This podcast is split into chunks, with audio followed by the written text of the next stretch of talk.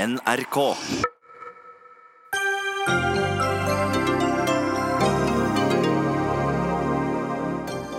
Nav får sterk kritikk i en ny intern rapport.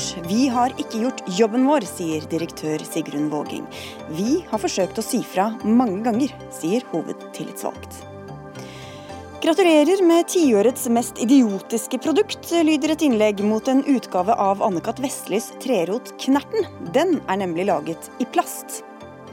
Politidirektøren er bekymret for ungdommen og er kritisk til en eh, liberal ruspolitikk.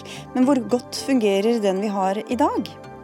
Og det bør ikke reises noen ny Petter Dass-statue på Helgelandskysten, sier historiker. Dass var kanskje en drittsekk, men han er vår drittsekk, svarer initiativtaker.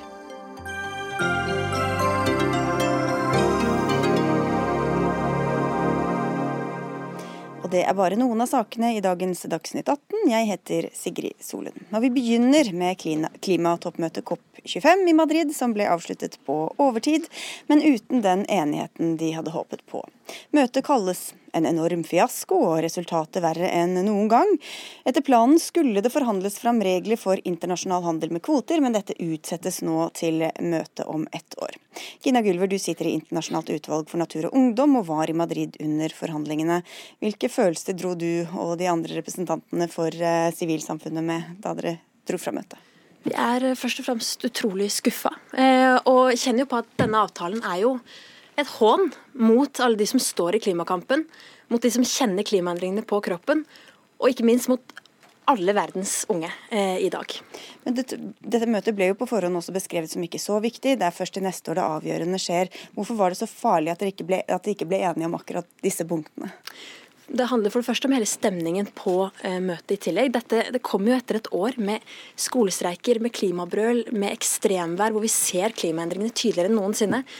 Jeg tror vi alle hadde forventa at det skulle sette sitt preg eh, på møtet. I tillegg så er dette møtet viktig for å få til et bra møte neste år også. Så det hadde absolutt en avgjørende rolle. Det hadde du også, klima- og miljøminister Ola Elvestuen. En sentral rolle i, i noen av disse forhandlingene om, om kvotehandelen særlig. Hvordan vil du karakterisere resultatet? Nei, Det er jo helt riktig at det sett opp mot eh, den problemet verden har med den klimakrisen vi står oppe i, så er ikke dette resultatet i nærheten av det du trenger for å, for å ta tak i det. Men likevel så er det et møte som tar eh, noen eh, store steg i riktig retning. Bl.a. på den at det gir en tydelig beskjed til land om at de må forsterke sine mål til neste år og fram til møtet i Glasgow neste høst. Og Da er det jo opp til landene, Norge og alle andre, å gjøre den jobben som forsterker målene. Og Så ble det også en avtale på, med det som er med de mest utsatte landene. Eh, små øystater, andre som er utsatt for både ekstremvær, eh, havstigning, der vi fikk en avtale som etter vanskelige forhandlinger, som også er, er bra.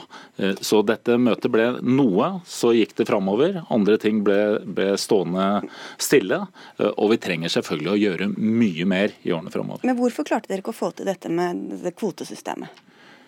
Nei, Det er eh, over 190 land som skal bli eh, enige, og det er et veldig komplisert regelverk du trenger å få på plass.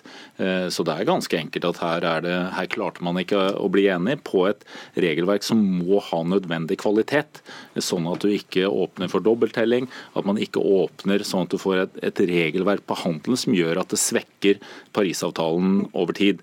Dårlig, en dårlig enighet ville vært verre enn at vi nå utsetter til neste neste år. Men Hva slags eh, håp har man om å få til en god enighet neste år, når dette skjer da samtidig som masse andre ting skal på plass? Det som er det mest eh, hva skal si, som er bekymringsfullt for dette møtet, er at det, at det er så vanskelige og harde forhandlinger for å komme fram til de resultatene vi har. Det viser jo at det er, det er veldig mange land som ikke har den nødvendige viljen til å, å, gjøre mer for å kutte sine klimagassutslipp.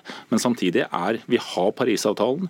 Vi fikk regelverket for Parisavtalen på plass i fjor i Katowice. Nå må vi bygge videre på det vi også har her, inn mot uh, neste år. Da sier du Gylver, også at det er frustrerende å se at Norge bidrar til at Parisavtalen utvannes i stedet for å styrkes. Men hva er det Norge har gjort eh, galt, da? Poenget med, den, poenget med, Norges rolle i det er at her pusher vi for menneskerettigheter, og vi pusher for eh, globale ambisjoner, samtidig som vi fortsetter med en oljeindustri hjemme. Og nå har FNs generalsekretær pushet hele året og vært tydeligere enn noensinne på at verdens land må slutte å subsidiere kull, olje og gass. Men det velger vi å ikke høre på. Og det mister all troverdighet eh, når vi snakker om menneskerettigheter og prøver å pushe det på, eh, på klimatoppmøtet, samtidig som vi bidrar eh, bygger vår økonomi på en av de skitneste industriene i verden. Tek ja, jeg skal bare si for Teknisk Ukeblad skriver også at Norge er det eneste landet som fortsatt har større utslipp enn vi hadde i 1990. Så hva, hva gjør det med vår troverdighet som pådriver internasjonalt? Ja, vi er slett ikke det eneste landet som har det. Vi også har de siste tre årene Nei, Spania har høyere utslipp. Det er flere land som har høyere utslipp enn det de hadde i 1990. Men vi har ikke klart å redusere det vi, det vi burde ha gjort. Nå har vi hatt en nedgang de siste tre årene. Og nå skal vi legge fram en plan om hvordan vi skal kutte minst 45% fram til 2030. Og nettopp fordi jeg er i denne situasjonen har vi også knytta oss opp til det felles europeiske regelverket som sikrer at vi blir en del A, når EU markerer sin Green New Deal med ned mot 50-55% kutt, så er vi eh, nå en del av det eh, framover. Så vi vil klare også de utslippskuttene. Men du, du, tror ikke at vår troverdighet overhodet avhenger av våre egne interne utslipp? Nei, nei, Norge er helt sentrale i disse forhandlingene. Det var vi også nå i Madrid. Og sentrale for både å få på plass løsningen med beskjeden om at man har sterkere, at man har sterkere ambisjoner. Vi laget kompromissforslaget på å ta på skade det som er det mest utsatte landet og jobber hver dag for at vi skal forsterke Parisavtalen.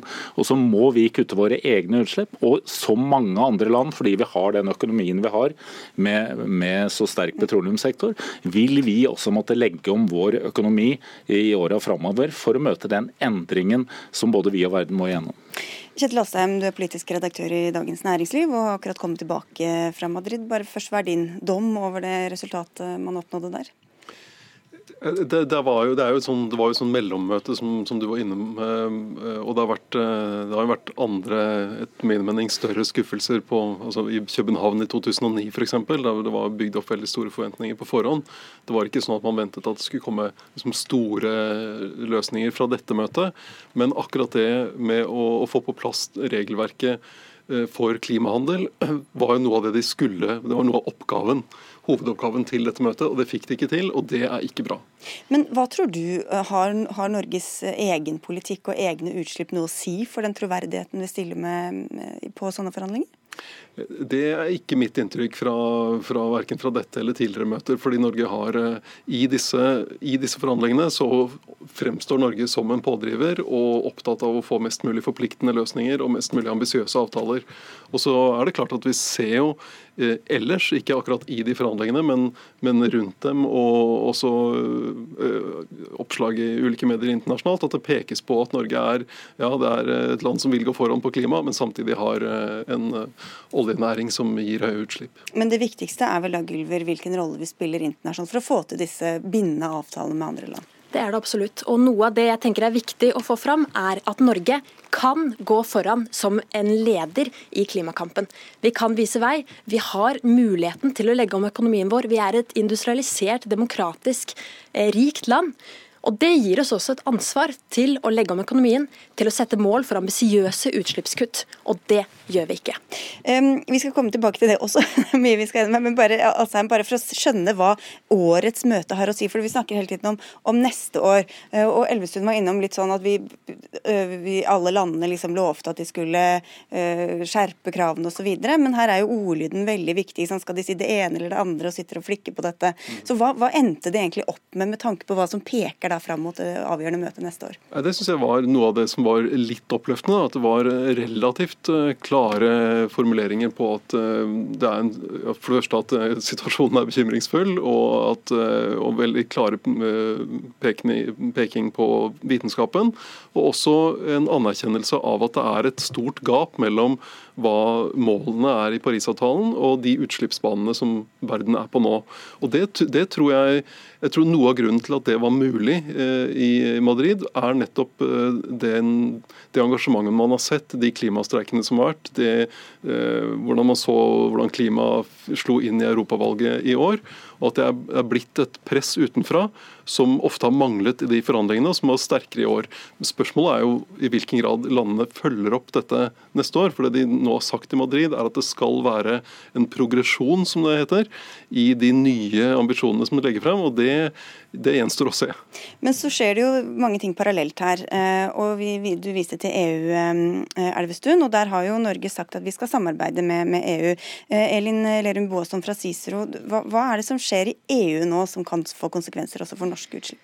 Altså, forrige uke la EU frem eh, helt eh, nye planer for hvordan de skal eh, gjøre klimapolitikken sin enda sterkere. Og Det har vært et stort press fra det nyvalgte Europaparlamentet mot den nye kommisjonen, som de har vært nødt til å svare på. At de, selv om EU nettopp egentlig har vedtatt en helt enorm mengde eh, nye direktiver og regler, så skal de stramme det til med en gang. Og dette fikk, Egentlig så fikk de marsjordre og støtte fra regjeringslederne eh, i EU om at kommisjonen skulle rulle ut denne eh, planen sin. Som, eh, altså det, I EUs klimapolitikk så skjer det veldig mye, men de planene som nå er lagt frem fra kommisjonen, så selv om de har fått eh, tillatelse til å gå videre med de, så blir det masse dragkamper i det året som kommer, for å se hvordan EU-politikken utvikler seg. Men et signal som er veldig klart, er at de ønsker at landene skal ha en helhetlig klimapolitikk. At de skal lage masse detaljerte mål og oppfølgingsstrategier på hele klimapolitikken. Mens Norge egentlig nå bare har en klimapolitikk på de diffuse utslippene, og overlater de store punktutslippene til kvotesystemet til EU. Og Det er helt i strid med den strategien som kommisjonen eh, legger opp til. Ja, men Du kan jo ikke mene at det er riktig, når vi sitter nå og driver fram altså en politikk på, på karbonfangst og -lagring, hvor vi ligger helt i front i Europa, både for å ta å, å, utvikle teknologien og ta den i bruk da på noen av våre altså, Det er du som har satt ned et klimakur som bare skal vurdere halvparten av eh, utslippene. Så jeg regner med at det er fordi det er der vi skal ha en strategi. For Hvis Nei, man ville ha en helhetlig strategi, så hadde man vel laget en, en analyse av helheten av norsk klimapolitikk. Eh, ja, for Nå snakker dere om det som er kvotepliktig og ikke-kvotepliktig, det er litt sånn vanskelige greiene. Men, men vi... noe av det handler om industri og olje og gass osv. Og, så og så er det andre ting som handler om landbruk og transport og sånn som da ikke er med i i dette kvotesystemet. Det viktigste klimatiltaket Norge har gjort mange år, er det vi har gjort i år. Å få tilslutning med, fra Stortinget. Vi venter på et vedtak i Island, de skal gjøre det samme. er å tilslutte oss EU sitt system, så vi får samme mål i 2030 over hele økonomien. Vi har i dag det som er industri, har vi jo fra før, og vi gjennomfører mange tiltak. Jeg nevnte karbonfangst og -lagring. Når vi nå støtter flytende havvind, vil være innenfor det samme. Vi har de store, også mye av Enova sin støtte går inn mot industrien for å drive det framover. Og så lager vi en plan på det som er den vanskeligste delen, altså transport, hvor vi ligger langt framme, også i europeisk sammenheng, for å ta i bruk eh, nullutslippsløsninger innenfor skipsfart, innenfor luftfart, hvor vi skal legge plan for hvordan vi skal kutte minst 45% innen 2030. Her ligger ikke vi etter, her ligger vi helt i front. Eh, ja, altså nå er det sånn at eh, EU har eh, en brei klimapolitikk som Norge har vært med i lenge. og Nå er vi også med på noe som heter innsatsfordelingsavtalen, som skaper en ryddig struktur. Eh, og Det er flott og fint. og EU har masse minimumsmål. Men en hovedtankegang i EU-systemet er at man må ha flere virkemidler samtidig. Men et argument i Norge er at hvis du har noe som er inne i kvotesystemet og dermed har en pris, så skal du bare bruke det virkemidlet. Og det, Man må i hvert fall være litt oppmerksom på at i norsk politikk så blir EU ofte brukt som en sånn vi skal vente på EU. Men det som skjer i det internasjonale, altså både på EU-nivået og på det internasjonale nå, er at det er på den nasjonalt at handlingen skjer. For i og med sånn som Paris er designet, så kommer ikke det store gjennombruddet på forhandlingene. Men, men, vi hører fra andre land, Danmark f.eks., som øker sine mål da, uavhengig av liksom hva EU sier. Hvorfor, hvorfor skal Norge, Norge hele tiden se til EU og vente på dem? Fordi vi er ikke medlem i EU.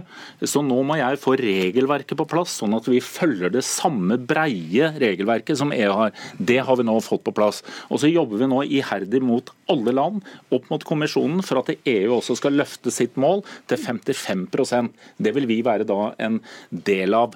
Og, jo, det, er ingen... rom, det er masse rom til at Norge kan gjøre, ta egne initiativer. og jeg tror vi må ha såpass gjør... selvtillit at det er i Norge at folk vet hvordan klimapolitikk som passer for Norge. Men Norge er det eneste landet i Europa jeg vet som både har kvotepris og CO2-pris på innenlands luftfart f.eks. At vi både har kvotepris og CO2-avgift på det som er på sokkelen og i petroleumsindustrien, er doble virkemidler.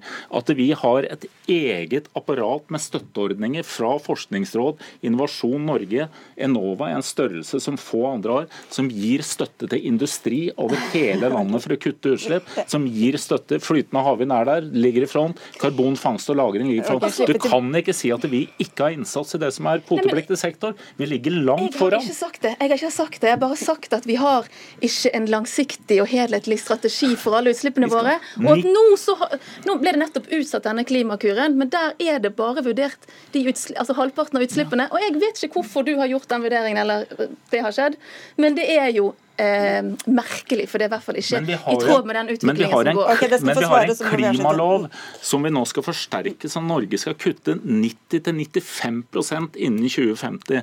Det er et tøffere krav for Norge enn klimanøytralitet for eh, Europa. Det vil si at vi skal fjerne all bruk av fossile drivstoff innen, innen 2050. Da er det bare husdyra som er igjen. Det er helt på linje og i front av det noe land gjør, og krever nettopp den helheten som du sier.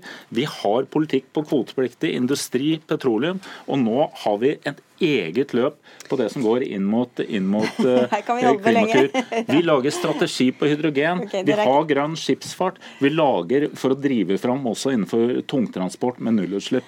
Men ja. Du skal få avslutte veldig Nei, altså, det, er, for det er jo et sånt styringsregelverk som EU har laget, der man ber om å få eh, planer eh, for hele, alle utslippene. Der Norge sier vi bare skal vurdere halvparten. Eller har, har man ombestemt seg? Skal man følge skal man følge det styringsregelverket som er laget for å innføre EU-politikken? Vi, fordi dette er, Vi er ikke medlem i EU.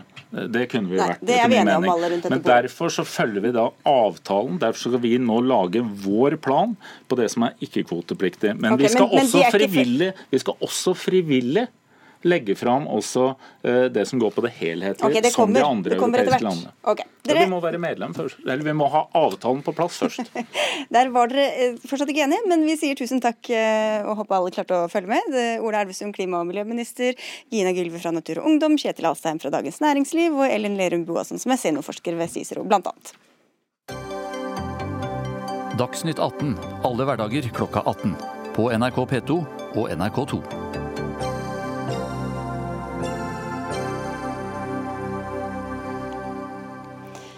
Og da skal jeg si velkommen til Dagsnytt 18 til deg, arbeids- og velferdsdirektør Sigrun Våging. Tusen takk. Det er altså en fersk internrapport hos dere som konkluderer med at manglende kompetanse, dårlig kapasitet og dårlig kommunikasjon i Nav var årsaken til at folk feilaktig har havnet i fengsel eller måttet betale tilbake penger uriktig. Hva er det dere har holdt på med disse årene?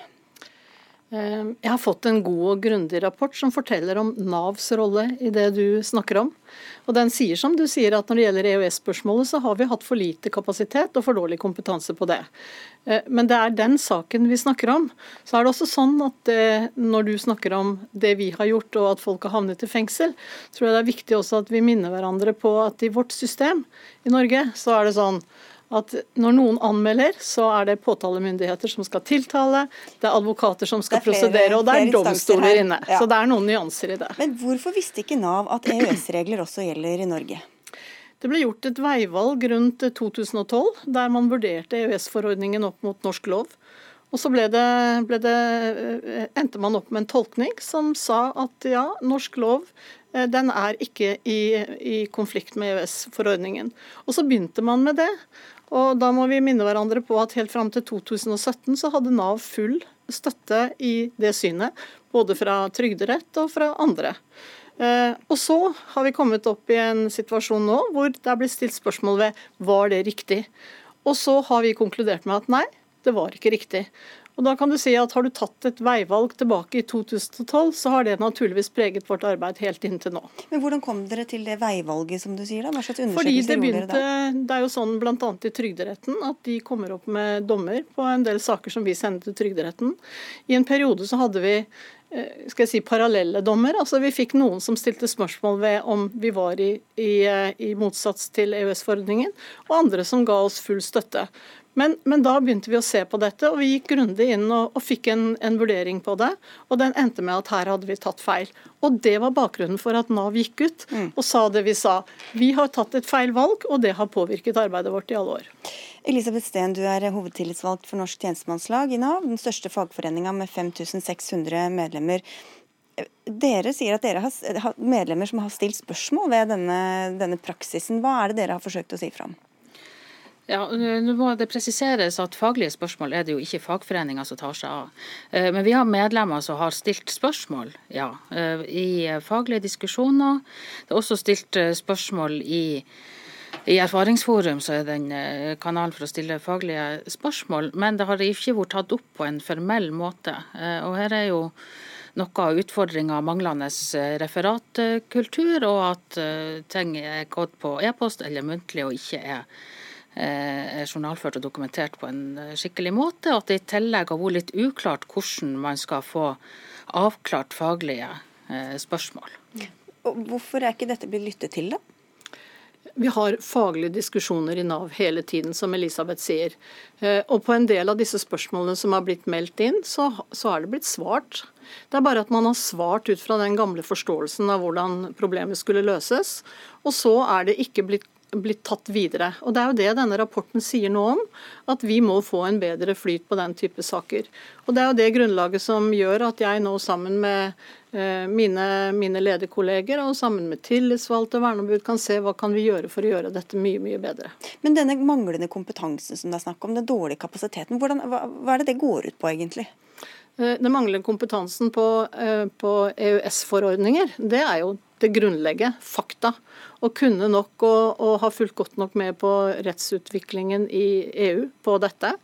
Og igjen så har vi vært altså jeg må bare si at For Nav så har vi vært i god tro. Vi har trodd at den tolkningen som vi la til grunn var riktig, inntil noen begynte å stille spørsmål ved det.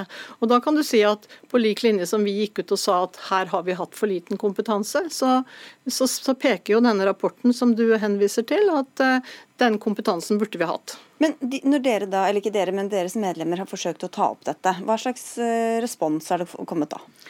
Altså, det er jo noen som opplever at de ikke har fått svar eh, når de har spurt om, om det. Og, og, her er jo noe av problemet at man ikke har gode nok rutiner for å lande faglige spørsmål, for å altså, få en avklaring på ting. Mm.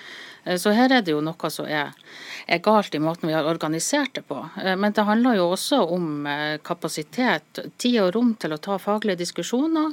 Og så er det jo sånn at vi er blitt færre ansatte òg.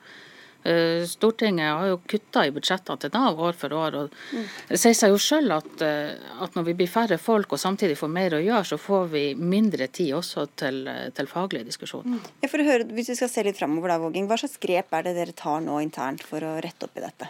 Aller først eh, på det som Elisabeth nevner, eh, bedre rom for faglige diskusjoner. Jeg har jo bedt den nye fungerende ytelsesdirektøren hos oss om å ta tak i det, og se hvordan skal vi sikre at vi gjør dette på en bedre måte.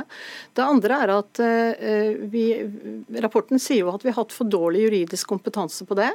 Og Derfor er mitt forslag at vi nå sørger for å få en juridisk avdeling i Nav som kan ha en autoritet og en, en, en kompetanse som kan sørge for at når det kommer henvendelser gjennom faglige diskusjoner, som Elisabeth nevner, at vi kan få et sted hvor dette kan bli avgjort.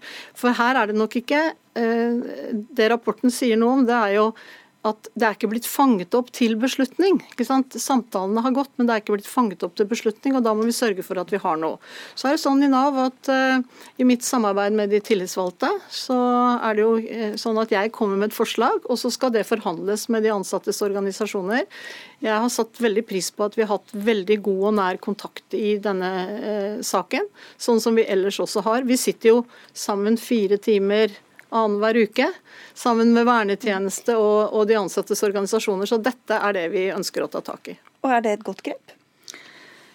Ja, altså det er jo åpenbart at det er behov for bedre koordinering internt. Jeg eh, kan ikke si på stående fot at det å ha en egen juridisk avdeling er det, det som skal til for å, for å løse det. Man må ha bedre koordinering, ja, men man må også ha juridisk kompetanse flere steder, og ikke bare på ett sted i Nav. Mm. Men det skal vi naturlig nok ha. For det, vi er en stor organisasjon, og vi skal ikke lage et stort nytt advokatfirma. Vi snakker ikke om det. Men på EØS-kompetanse må vi bli sterkere. Men, men, nå hører vi at det etterlyser mer ressurser, altså at det er for få ansatte, rett og slett. Mener du at det er nok ressurser i Nav til å gjøre den jobben dere skal gjøre på en god nok måte? Rapporten har pekt på at vi har hatt for liten kapasitet på det. Og det blir jo sånn i hverdagen eh, om det, altså Nav har til enhver tid 2,8 millioner brukere. Vi har mange store oppgaver som skal løses.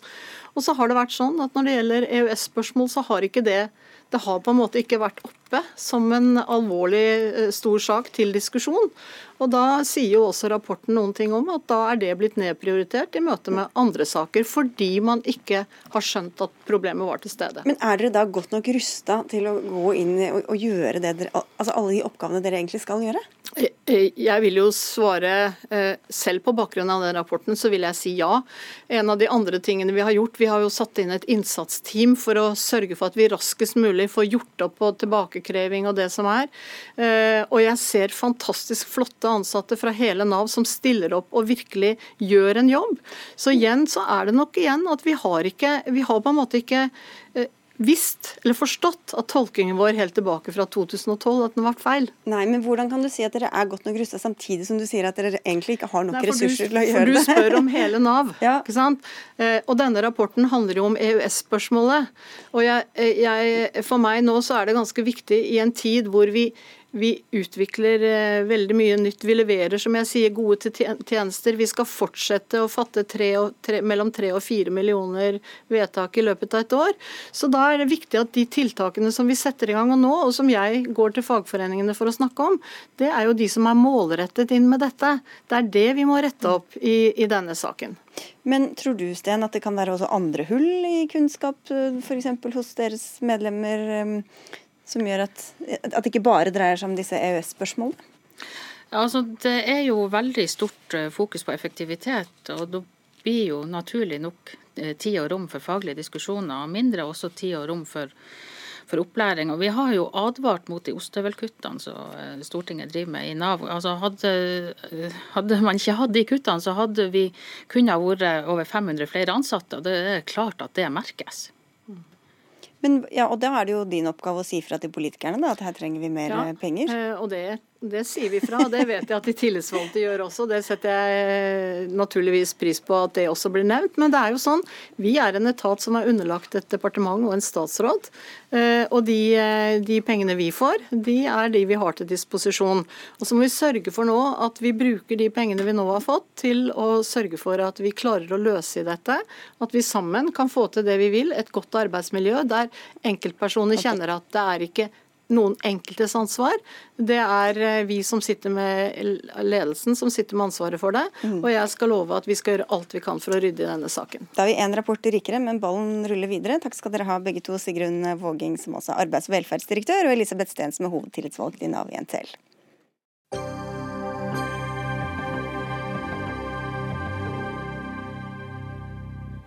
Snart skal vi høre fra politidirektøren, som er bekymra for norsk ungdoms bruk av og holdninger til narkotika, og vi spør om det egentlig er grunn til det. Men før det. Hva forbinder du med Anne-Cath. Vestlis eh, Knerten fra bøkene og filmene om lillebror og Knerten? Er det natur og barns fantasi, eller er det masseprodusert plast? Tre varianter av Plastknerten hentet fra filmene om Knerten resulterte i et rasende innlegg på Facebook, skrevet av deg, Stine Marie Smedling. Du er forfatter og samfunnsdebattant. Du kaller Plastknerten for tiårets mest idiotiske produkt. Hvorfor er det så dumt? Nei, altså jeg er på en måte litt sånn ambivalent til min egen kritikk der. for På den ene siden så, ja, Det spiller ikke noen rolle for klimaet og jordkloden om vi ødelegger den med altså Det spiller ikke noen rolle hva den plasten imiterer. sånn at det, På en måte så skjønner jeg det hvis kritikken kan føles litt sånn urimelig. Eh, det er ikke noe forskjell på en plastikknerten og en McDonald's plastrælgreie. Men det som på en måte gjør at jeg står innenfor det likevel, er at det med en plastikknerten så blir det så tydelig, det blir så innmari tydelig at det er et helt sånn overflødig produkt. da. Um, og at det er et sånt um, ikke sant, det, er, det, føyer seg inn i en sånn rekke av sånne litt sånn underlige produkter. Sånn, jeg har sett en sånn appelsin som ble skrelt og så lagt inni en sånn hardplast gjennomsiktig boks for å beskyttes. Ikke sant? Og så tenker man sånn, ja Hvis bare det fantes et slags magisk eh, nedbrytbart skall som den kom i, og så føyer det seg kanskje inn i en sånn rekke av liksom absurde ting vi gjør, da. Skjønner. Produsenten av disse produktene ønsket ikke å delta hos oss, men Jo Vestli, du er jo sønn da, av Anne-Kat. Vestli og forvalter rettighetene i forfatterskapet sammen med din bror Håkon. Hvorfor har dere gitt tillatelse til å produsere en plastknerten? Altså Historien vår er litt annerledes enn oppslaget nå. Fordi For ti år siden så skulle den første Knerten-filmen komme. Unnskyld stemmen, den er ikke så sexy til vanlig. Uh, og, det, uh, og, da, og, da, er det en utfordring hvordan altså etablere en ny kontakt mellom det lille, det unge, nye publikummet som ikke har hørt mor på radio gjennom mange år, kanskje ikke heller blitt lest bøkene for. Altså Vi skal etablere et nytt forhold. Og, og da, da, da, er på en måte tanken at uh, det er en måte å få en kommunikasjon med publikum på. Det er, De har sett filmen, noen har sett filmen. Og så ser de noe som de faller for, syns jeg er sjarmerende. Og så har de lyst til å ha en maken selv. Dette er klassisk. Dette er Disney har levd på dette i alle år. Og mange andre har gjort det samme. Så, så du kan si at egentlig så var det en etteraping i metode. Men, men, er ikke noe av poenget at man bare skal kunne gå ut og finne seg en eh, kvist da, eller en, en rot, og at det er knerten? Ja, men det er opprinnelsen. Og det var det mor gjorde. Da hun satt på en stubbe ute i skogen og av forskjellige grunner var deprimert, det skyldtes delvis NRK, skal jeg ikke komme inn på det nå, og fant ut at hun, når hun ikke får lov å sende Ole Alexander reprise som forteller om barna i mors mage, så må hun finne på noe nytt. Og Så sitter hun på en stubbe i skogen, og så ser hun dette og det blir utgangspunktet for hele historien. Det, vil... det, er jo nettopp, det, er jo nettopp den historien vi vil ha, og det er jo nettopp den historien en plastikk masseprodusert kopi. Den har, det fins ikke noe sjel da, i den plastikknerten, tenker jeg. Og det, det er selvfølgelig liksom det umulige argument, for at sjel er liksom ikke noe ordentlig Det går ikke an å argumentere mot det. Men, men, derfor så har jeg med den her, som jeg lagde i går kveld, av en, eh, av en eh, furugrein. det ligner veldig på knerten. Eh. Ja, så tenker jeg Det her er ikke knerten, da. For det her, eh, det her er en jente som jeg har kalt eh, Hun har et kallenavn, og det er Stikk. Og det er et stikk som jeg har lyst til å gi til Jo, da. Eh, ja, som jeg vil overrekke nå. Og for å minne deg på ja. hvordan det var, eh, hva det var Anne-Kat. egentlig fant. da. Ikke sant? For jeg tenker at den der, det der, det der plastgreiene har jo ikke noe med det har jo ingenting å gjøre med det moren din fant ute i skogen. Men, men altså, jeg, bare, jeg, jeg, har ikke lyst til å forsvare hele plastalderen nå, på vegne av lille Knerten som har så smale skuldre. Men, men, det var den måten vi kunne klare å få det til å se ut som på filmen. Altså Vi kunne ikke klare å gjøre det i tre. Det hadde for øvrig vært veldig farlig. for du kan tenke deg Hvis man produserer leker som, som har denne type egenskaper, så, så, blir ikke det godkjent. Men måtte, dere selge da? Kunne dere ikke si gå ut i skogen og finne deres egen Jo, men vi gjør jo det også. Vi gjør masse av det. Og det, vil si, det er jo ikke vi som sier det, for folk gjør det selv. Barnehagene gjør det. Og, og jeg vet nå som mor fyller, ville fylt 100 år i februar så, så, er det museer som skal sette i gang aksjoner for dette. Så, så, Den opprinnelige tanken er slett ikke død. Men filmene skal også leve videre. 8.9 kommer Knerten film nummer fem. Kanskje det er bare veien liksom, du får kjøpe plastknerten, og så går du ut i skogen for å finne en som er litt lik eh... Det er kjempeviktig ja, men... å si at barna tenker ikke svart-hvitt. De, det, det, er ja takk, begge deler. Og, de, og vi har jo historier hvor de går med den plastknerten i ryggsekken ut i skogen for å finne knert. Og så ikke kast plastknerten der, da. Ja, det er viktig å ikke miste den plastknerten. Men, men sant, det er jo det, for jeg leser i, eh, i Tønsbergs Blad i dag, så står det også at eh, altså produsenten av Leka har sagt at det, vi måtte eh, lage den i plast, for det gikk ikke an å få til det uttrykket i tre. Og så tenker jeg nei, det måtte dere ikke. Eh, man kunne bare latt være å produsere den. Det, man, det er på en måte Ingen i verden har noen gang vært i en situasjon hvor de ble tvunget til å produsere en plastknerten. Og så skjønner jeg på en måte at det er urimelig at man at ikke liksom akkurat Knerten-filmen skal få lov til å lage den merchen, når på en måte hele resten av verden gjør det. Men, men det også blir jo en sånn en sånn utrolig vi kan, for Grunnproblemet her, det som på en måte er hovedproblemet, det er jo at vi driver med sånn voldsomt overforbruk, bl.a. av plastikkprodukter. Og så er plastikk et nyttig produkt f.eks. til å bevare maten vår, men, men, vi kan ikke fortsette det overforbruket som vi holder på med nå. Og da er akkurat denne her blir på en måte sånn morbide eksempel på noe vi bare aldri skulle lagd. Men Stine, kan, kan jeg få si en ting til Stine? Det som er det aller viktigste av det vi snakker om nå, men vi snakker ikke om det, det er å kjempe for barnekulturen på norsk. For det er jo det som er trusselen. Det er, de, altså det er stormaktene rundt oss som overhøvler oss med barnekultur. Okay. Vi må kjempe for vår. Da kan dere komme tilbake og diskutere det en annen dag. Og så sier vi tusen takk for at begge dere to, og hva kalte du henne? Eh, stikk. Stikk. Ja, det er bare et kallenavn. Hun heter egentlig Harriet.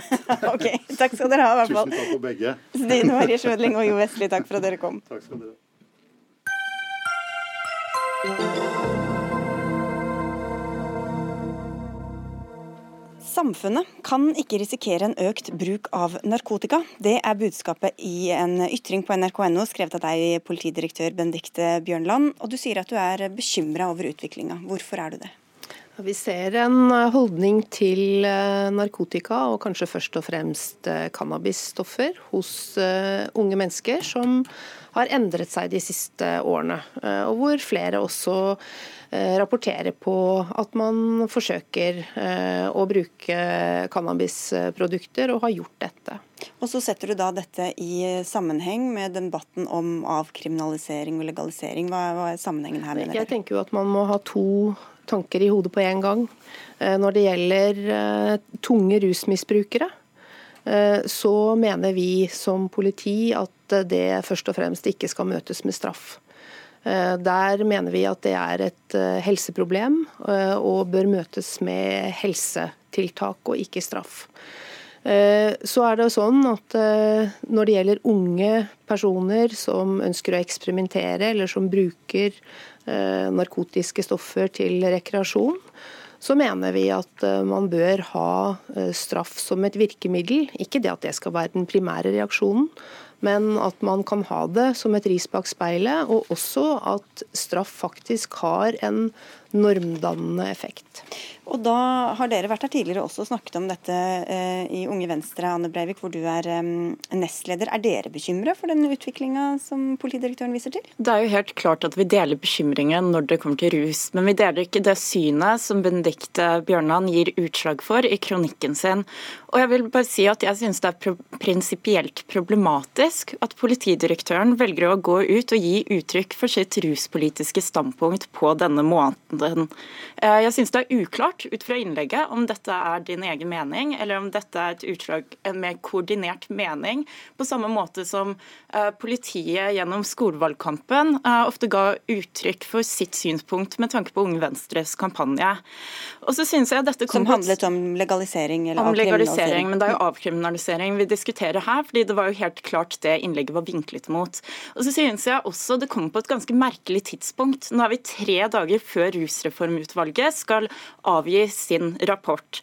Og Da syns jeg ikke det er klart om du da forhåndsuttaler deg før vi har fått de faglige vurderingene av rusreformutvalget, eller om du faktisk har fått informasjon fra den rapporten Nei, vi kan jo ta det, for Du skriver jo i ytringen din at vi trenger en bred og kunnskapsbasert debatt om framtidens eh, ruspolitikk i Norge, og viser til at vi da får en sånn anledning når Rusreformutvalget leverer rapporten sin som kommer om bare noen få dager. Så Hvorfor går du ut med dette nå da, i stedet for å vente på faktisk det kunnskapsgrunnlaget? Vi deltar jo i debatten egentlig fortløpende som politi, og jeg uttaler meg ikke som privatperson når jeg uttaler meg om eh, rusutfordringer i samfunnet. Som politi så er vi eh, en premissleverandør for politikkutforming. Vi skal gi beslutningsstøtte til eh, politiske myndigheter, og så forholder vi oss selvfølgelig til de lover og regler politikere beslutter. Men eh, jeg tenker at eh, vi som ser narkotikamisbruk, ser de utfordringer som narkotika genererer i samfunnet, og ikke minst hvordan narkotikaomsetning er en del av eh, de organiserte kriminelles viktigste virkemiddel. Men, men hvorfor kunne du ikke vente et par dager og se hva det faktisk Det kan jo være at de kommer med et eller annet som dere ikke har tenkt på, eller noe annet Absolutt, og vi skal avgi, grunnlag for å si noe annet? Vi skal avgi en høringsuttalelse når eh, Rusreformutvalget kommer med sin NOU. Så skal, kommer vi til å være høringsinstans, som alle andre også har anledning til å være. Men, men, men, men hvor åpne og lyttende virker det som dere er? er da, når dere på en måte allerede har konkludert, da, rett i forkant av at et utvalg kommer med sin rapport? Jeg opplever vel ikke at vi har konkludert endelig, for vi vet jo ikke helt hva Rusreformutvalget kommer til å komme med av konklusjoner og anbefalinger i sin rapport.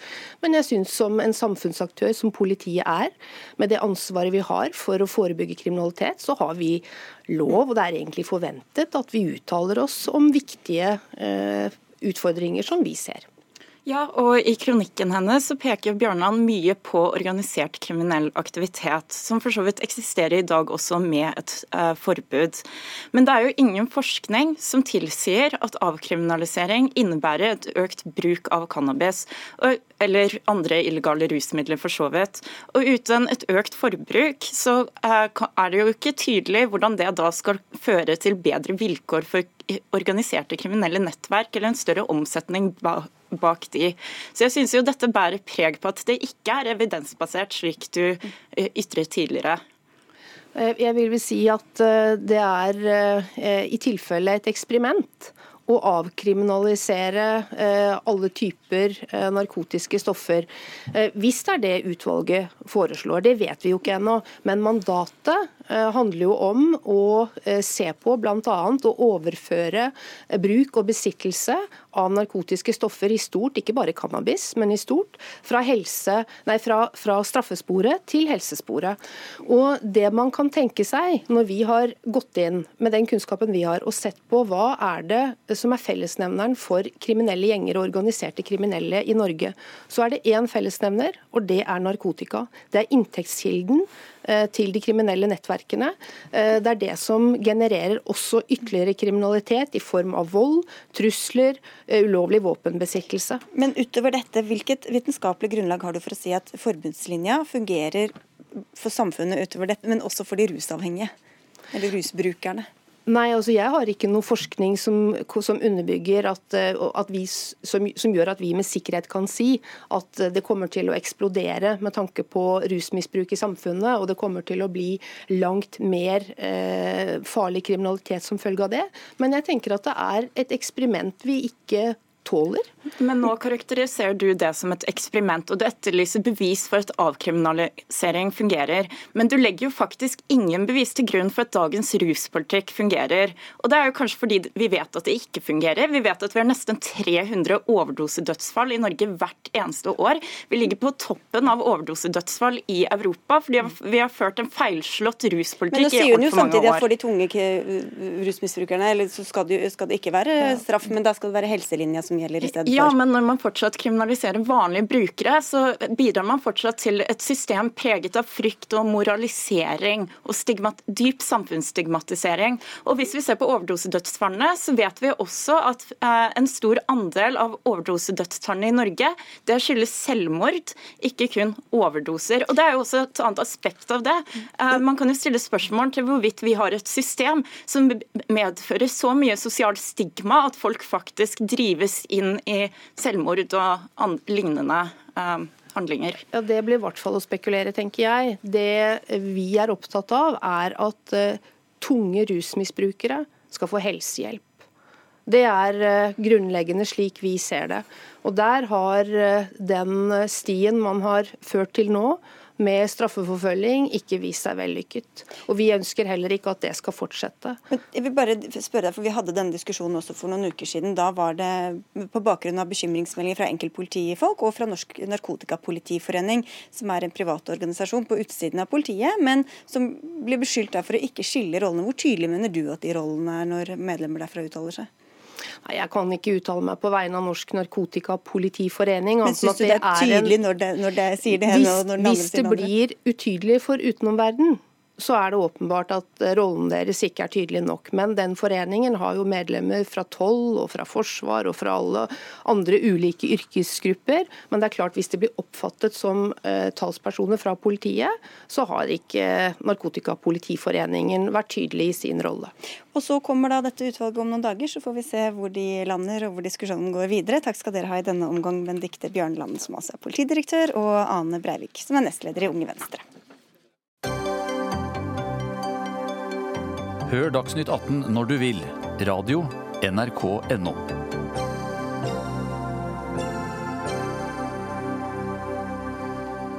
Krisen er ikke over for luftambulansen i Nord-Norge, og i dag ba SV Stortinget om å hastebehandle at det offentlige skal ta over tjenesten. Kravet kommer som følge av tidvis store problemer etter at selskapet Babcock tok over luftambulansetjenesten i sommer. Og Torgeir Knag Fylkesnes, du sitter på Stortinget for SV. Dere vil altså ha en statlig overtakelse av denne tjenesten nå. Hva, hvor fort ser du for at dette skal skje? Så raskt som overhodet mulig, så, så, raskt som praktisk mulig. Altså Her er man i en dyp eh, krise. Det har vært fly som har stått på bakken, men også før det så har det vært eh, krise fra den dagen Babcock overtak, overtok luftambulansetjenesten. Det har vært eh, bekymringsmeldinger fra det som kan krype og grå av medisinsk personell. Eh, det er fare for liv og helse.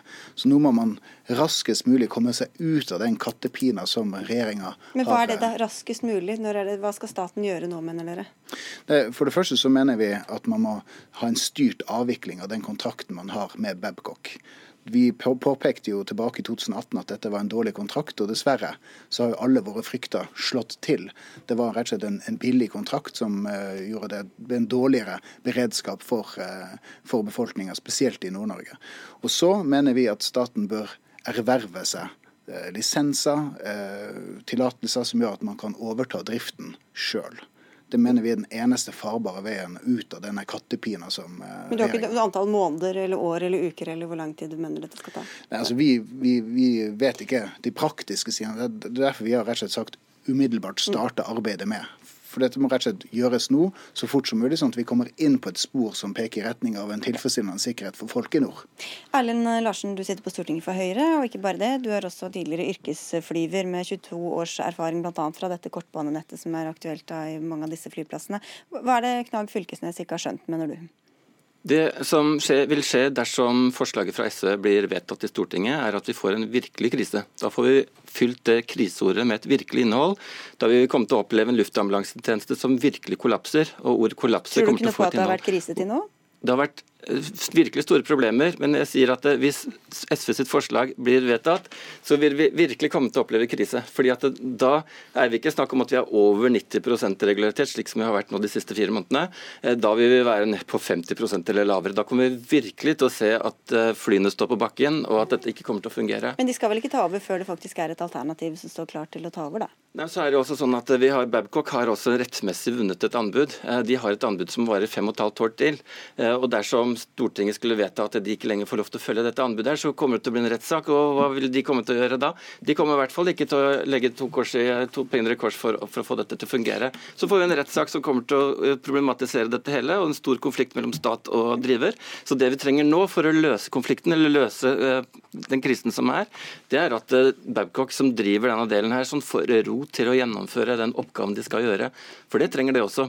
De skal også være oppmerksom på at alle politikere og meningsdannere og medier som nå lager prøver å maksimere politiske poenger ut av den krisa som vi er inne i nå, de skaper også en flysikkerhetsmessig utfordring. Dette påvirker flyverne, dette påvirker flyteknikerne som skrur på flyene. Eh, og Det ansvaret må vi også ta inn over oss, vi som er ute i mediene. Det virker som at, uh, som at, du bagatelliserer den krisa som luftambulansen uh, står i nå. Altså Det er bekymringsmeldinger for det som kan krype og gå av helsepersonell. Det er folk som ikke får hjelp, og de skal få. Eh, til den tida de skal få den. Det er små barn som ikke kommer frem, ikke blir henta osv. Altså, det er en dyp, dyp krise. Og alt er satt i verk fordi at man valgte det billigste. Og så viser det seg da ikke tilstrekkelige løsninger. Altså, Babcock har overtatt denne, eh, denne tjenesten her og har ikke klart å levere liksom i månedsvis. Antakeligvis enda lenger enn dette her. Eh, og det å komme seg inn på et spor som faktisk peker retning av en tilfredsstillende tjeneste for befolkninga i nord. Men, det er det vi må finne ut av nå. Hvis vi skal følge den logikken her, så vil man jo bare måtte fortsette da med en, en tjeneste i krise til hele anbudsrunden er over. Er det det som er din løsning? Du kan få svare på det, men bare for å få høre med deg først. for dette har jo pågått i flere måneder fra de overtok da i sommer. og det er flere ikke så hastebehandling, men andre tilsvarende forslag som allerede er stemt ned i, i Stortinget. Hva vinner dere på dette utover bare å markere dere politisk på at her mener dere at et eller annet må skje? Nei, vi, altså, vi ønsker jo å få lagt all prestisje til side og sette sikkerheten i forsetet. Det, det, er det som må skje i denne saka her. Hvis ikke så kommer vi ingen vei. Eh, og Vi har jo advart mot den situasjonen vi har havna i, siden, eh, For ett og et halvt år siden så var det en store diskusjoner i Stortinget fordi vi pekte på at dette her kommer til å gå galt, og nå går det galt. Og da, når vi nå ser den krisesituasjonen vi nå står i, der det er ingen utsikter til løsning vi, altså, Det kommer til å komme nye runder med enda dypere krise etter hvert som tida her går. Eh, vi må komme oss ut av den situasjonen der. Og, og Da er vårt forslag å komme raskt, raskest mulig i gang med det. Men så er jo ikke jeg i tvil om at om at eh, regjeringspartiene bare kommer til å stemme det ned, at det kan dem, fordi at de har flertall.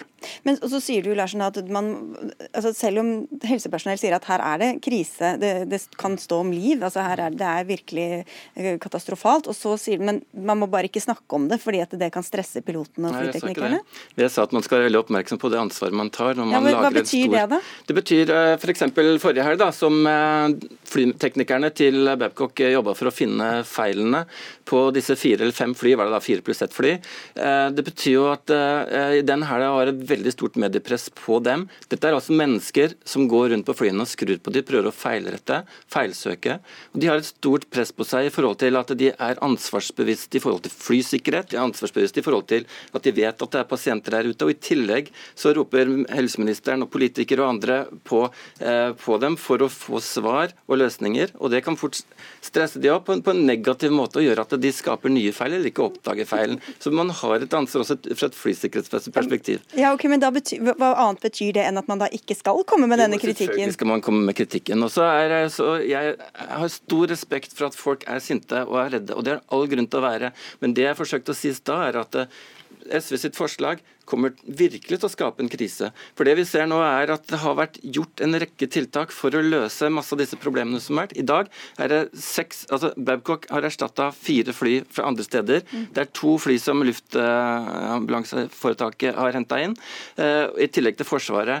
Og det blir gjort masse, Regjeringa gjør masse for å løse disse den krisen og problemene som er. Men det å statliggjøre dette her, det er ingen quick fix. Det kommer til å ta to-tre år fra et sånt vedtak til staten i det hele tatt har etablert et flyselskap. Det her er ikke noe, quick, det er ikke noe busselskap. Da er det kanskje litt tidlig å begynne med et hastevedtak nå før jul, Fylkesnes, hvis det uansett tar to-tre år før det kan bli noe av? ja, men altså, for, altså Med den løsninga hans så kommer vi bare til å fortsette å lappe på et system som ikke fungerer. Det er jo det som er problemet. Dette er bare kulminert over tid. Altså, Vi er i en krise nå, og da må vi bli kvitt den krisa. Og den krisa det handler rett og slett om at man har valgt, man har gjort en ulykksalig valg. Man har valgt en operatør som ikke er i stand til å levere de tjenestene de skal levere, som har ført til at staten i stor grad har tatt over hele ansvaret for hele denne tjenesten her. Nå er det på tide at man tar rett og slett ta neste steg og, og, komme, og peke retning for en ordentlig, ordentlig, ordentlig løsning for tjenesten. De fem feilene vi så forrige her, de hadde kommet uansett, og som staten hadde drevet dette. Staten hadde ikke hatt noen muligheter til å erstatte slik som Babcock kan gjøre. Problemene var lenge før. Handlingsrommet ville vært mye mindre hvis staten hadde tatt over. Dere får neppe flertall, eh, Fylkesnes, men det vet du vel. Dere fikk i hvert fall en debatt i Dagsnytt 18, og det er ikke så verst på det. Takk skal dere ha begge to. Torgeir Knag Fylkesnes fra SV og Erlend Larsen fra Høyre.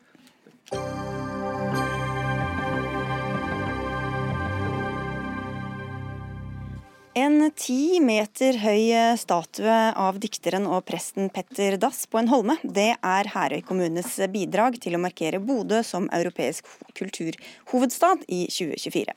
Men Petter Dass trenger ikke noe nytt monument, sier du til NRK Nordland, Kåre Hansen. Du er historiker og har skrevet flere bøker om Dass. Hvorfor er det ikke på sin plass med dette monumentet, mener du?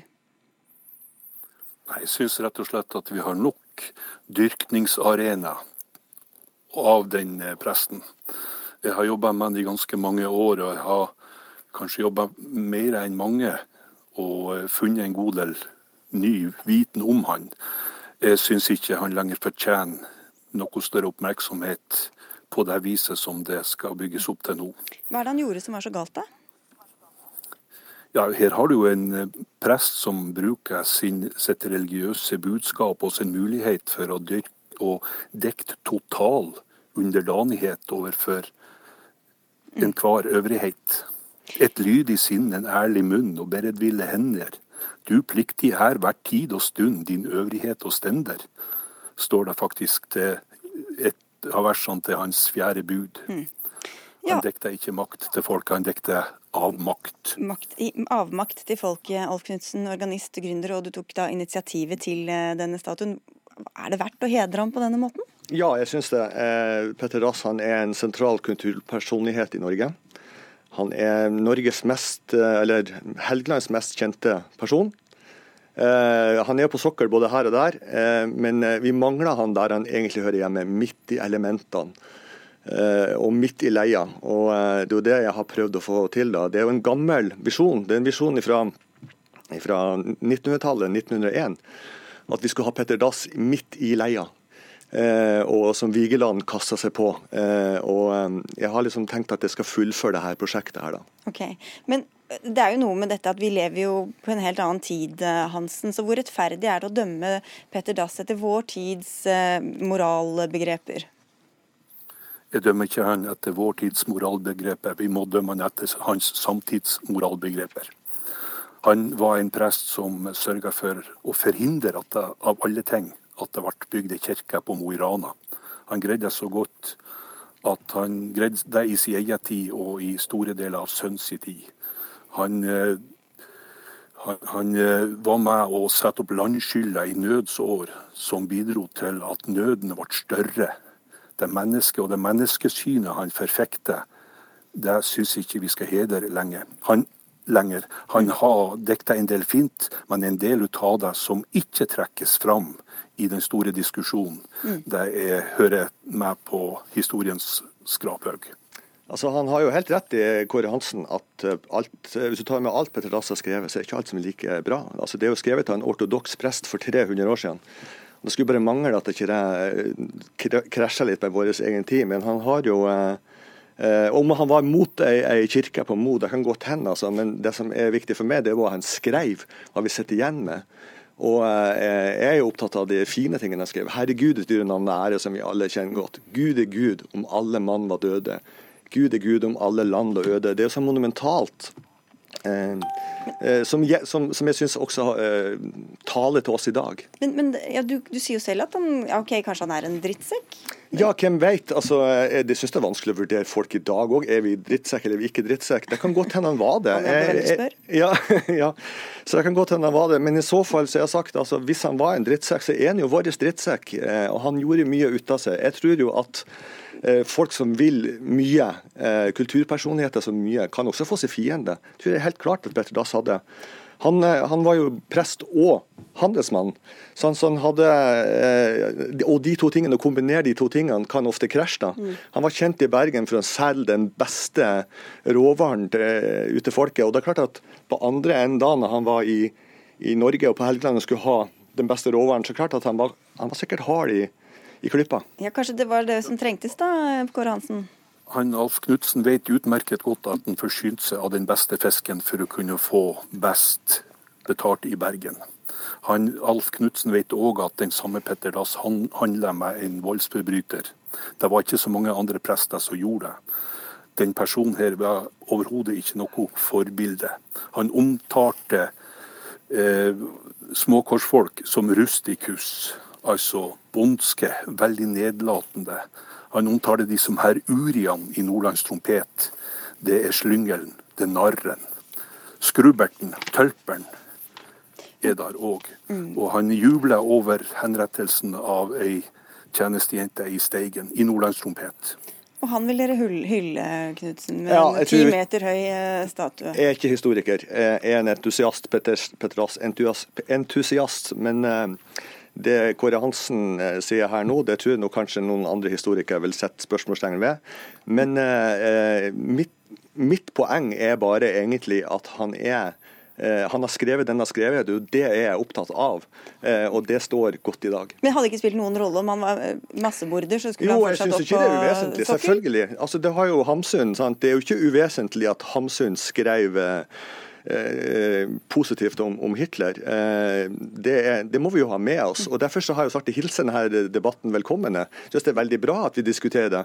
Jeg synes Kåre Hansen går litt langt, da, det må jeg si. Men, eh, men jeg er veldig begeistra for Petter Dass, fordi Petter Dass òg var sjøl veldig begeistra. Når han skrev 'Nordland trompet', så var han så begeistra. Det er jo en begeistra beretning om, om folket, om naturen, om naturfenomenene. og og, og, monumentalt er mye av det man kan si om hans diktning, og jeg syns han skal ha en monumental plassering. Ok, Helt på tampen, Kåre Hansen, tror du det får dere stansa det, eller blir det, blir det Petter Dass ute i havgapet? Jeg håper jo ikke det. Øvrighet bør man ære og under, underdanig dem være et annet sitat fra Petter Dass som Alf Knutsen prøver å skjule. Og for øvrig, det var noe norske nasjonalsosialister trykte til sitt bryst okay. i 1942, når det kom ut en antologi. Tenk om han visste at altså, vi skulle sitte og diskutere om mange hundre år etterpå. Vi rekker ikke mer. Vi må si tusen takk til dere begge to, og takke for oss Arnhild Myklebust, Lisbeth Sellereite og jeg, Sigrid Solund, som ønsker en fin kveld videre.